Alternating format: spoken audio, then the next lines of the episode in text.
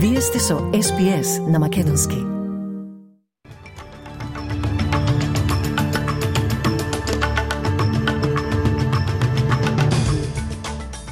Од денешниот билтен вести издвојуваме. Кетрин Кембел станува првата висока личност што е суспендирана во врска со незаконската шема Рободет.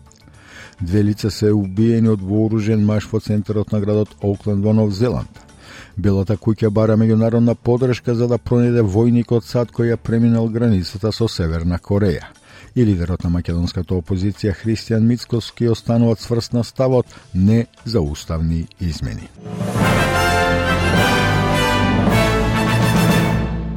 Поранешната секретарка на Министерството за човечки услуги Кетрин Кембел е суспендирана од незината работа во Аукос од 900.000 долари годишна плата по наводите на Кралската комисија за Рободеп.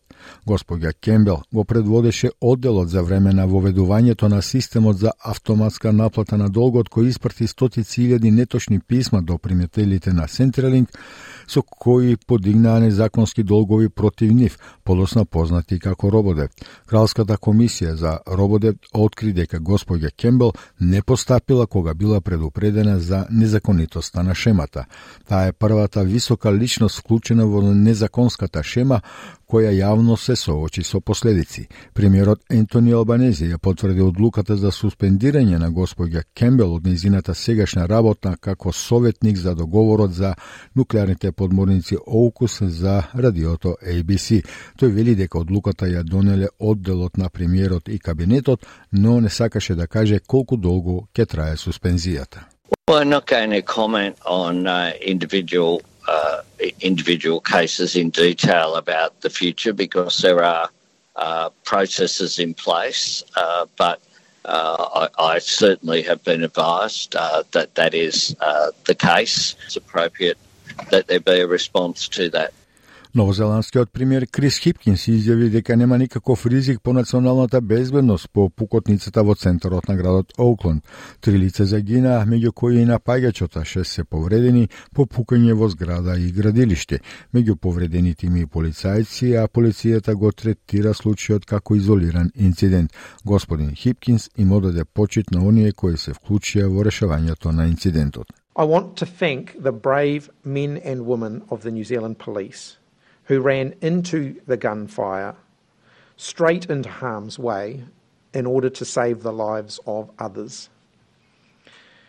These kind of situations move fast, and the actions of those who risk their lives to save others are nothing short of heroic. Министерот за спорт на Нов Зеланд, Грант Робертсон, вели дека надпреворот на светскиот куп на ФИФА за жени денес ќе се одржи покрај пукањето. Тој вели дека разговорите со официалните лица од раководното тело на ФИФА, вклучувајќи го и председателот Джани Инфантино, потврдиле дека во ведниот надпревар ќе започне според планираното.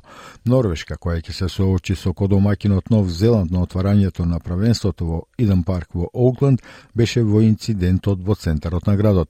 Хотелот на тимот е бил во истиот блок на местото на злосторството, ставајќи ги затворени во својот хотел во четврток наутро.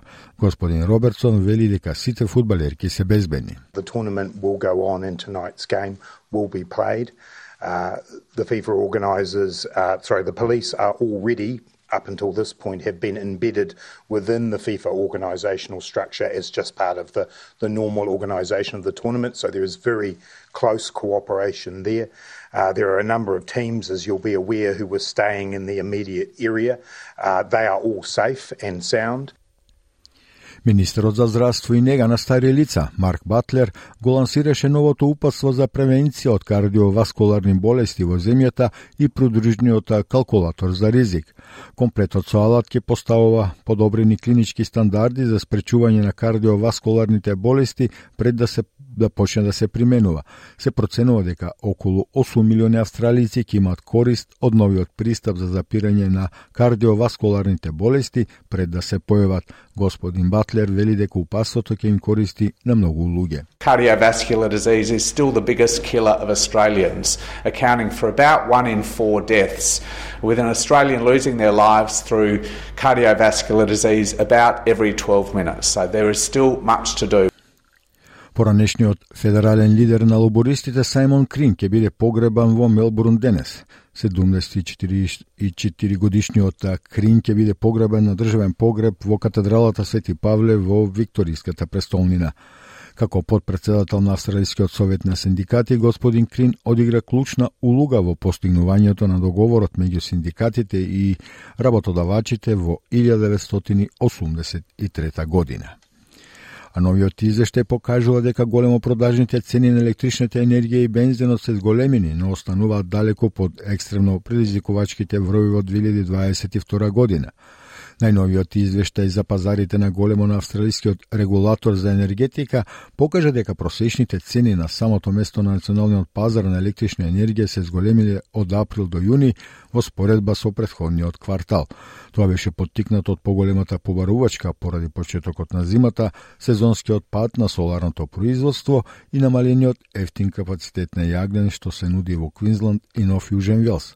Опозицијската министерка за финансии Джейн Хјум изјави за Канал 9 дека владата треба да стори повеќе за да ги поддржи семејствата кои се борат со трошоците за живот.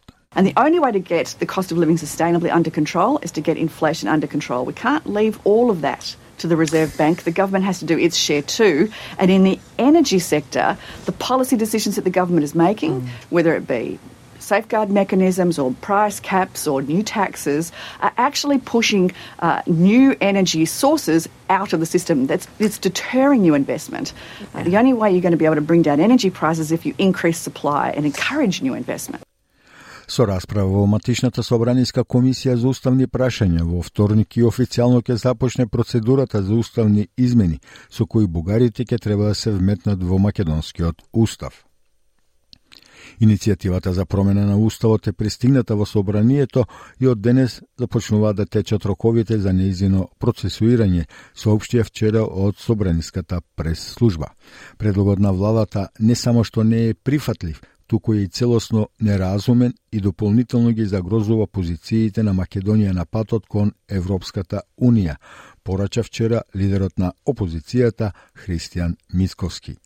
Тој уште неш потврди на пресконференцијата дека ВМРО ДПМН остануваат цврсти на ставот дека уставни измени по овие услови на бугарски диктат и условувања се неприфатливи за неговата партија. Владата дополнително го усложнува процесот со тоа што дефинираше текст на уставните измени кој што не само што не е прифатлив, туку можам да кажам и дека е тотално неразумен и ваков како што е дополнително ги загрозува позициите на Македонија во рамките на напредокот кон полноправно членство кон Европската Унија. И баш би сакал сега да го слушнам оправдувањето од владата во кој дел од заклучоците на Советот на Европа, во кој дел на преговарачката рамка и во кој дел на протоколот овој текст на овие уставни измени е содржан. Премиерот Димитар Ковачевски пак смета дека нема ништо идентитетски спорно во уставните измени. Во Соединетите Американски држави, Белата куќа вели дека работи напорно за да открие каде е 23 годишниот војник, откако тој трчајки поминал преку границата со Северна Кореја. Војникот Тревис Кинг се очекуваше да се врати во САД за да се соочи со војна дисциплина, откако отслужи речиси два месеци во јужнокорејски затвор поради обвиненија за напад. Членовите на семејството велат дека тој може би се разочарал бидејќи се соочил со правни проблеми и можно отпуштање од војската. Пресекретарот Карин Жан-Пьер вели дека САД побарале помош од Шведска и Јужна Кореја за да дознаат каква е неговата состојба и која е неговата причина за преминувањето на границата. The administration has and will uh, continue to actively work, actively work to ensure his safety and the return of uh, uh, of Private King uh, to us and to the fam- to his family, obviously. Uh, so that includes what we're doing is outreach to the administration of Sweden and also South uh, the South Korea as well on this matter. but our primary primary goal is to make sure that we ascertain his well-being, get a sense of how he's doing, but also clearly we are committed to bringing him home. Водачите на шест арапски заливски земји и пет земји од Централна Азија се собраа во Джеда за да разговараат за зајакнување на нивните економски и билатерални врски. Самитот е прв меѓу заливските корпорации и Казахстан, Киргистан, Таджикистан, Туркменистан и Узбекистан. Саудискиот престолонаследник Мохамед бин Салман, кој го води самитот, ја истакна потребата од поголема соработка за соочување со глобалните предизвици за да се постигне безбедност и стабилност во регионот. Председателот на Казахстан, Каси Жомар Токаев, вели дека треба да има подлабока енергетска соработка меѓу земјите. There are more than 30 billion tons of proven oil reserves and around 20 trillion cubic meters of gas in Central Asia. This makes the region second in the world in terms of oil and gas resources after the Arabian Peninsula. Kazakhstan, as an active member of OPEC Plus, stands ready to closely collaborate with the organization.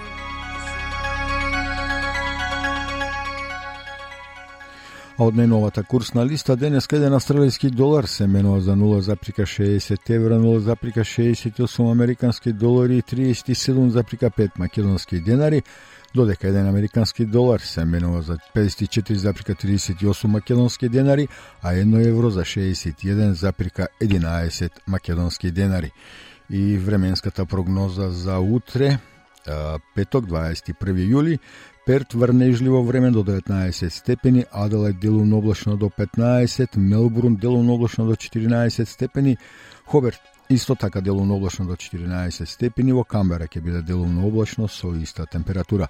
Сидни делумно облачно до 18, сончево во Бризбен и температура до 24 степени, претежно сончево во Дарвин до 32 и во Алес Спрингс ќе биде сончево со температура до 21 степен.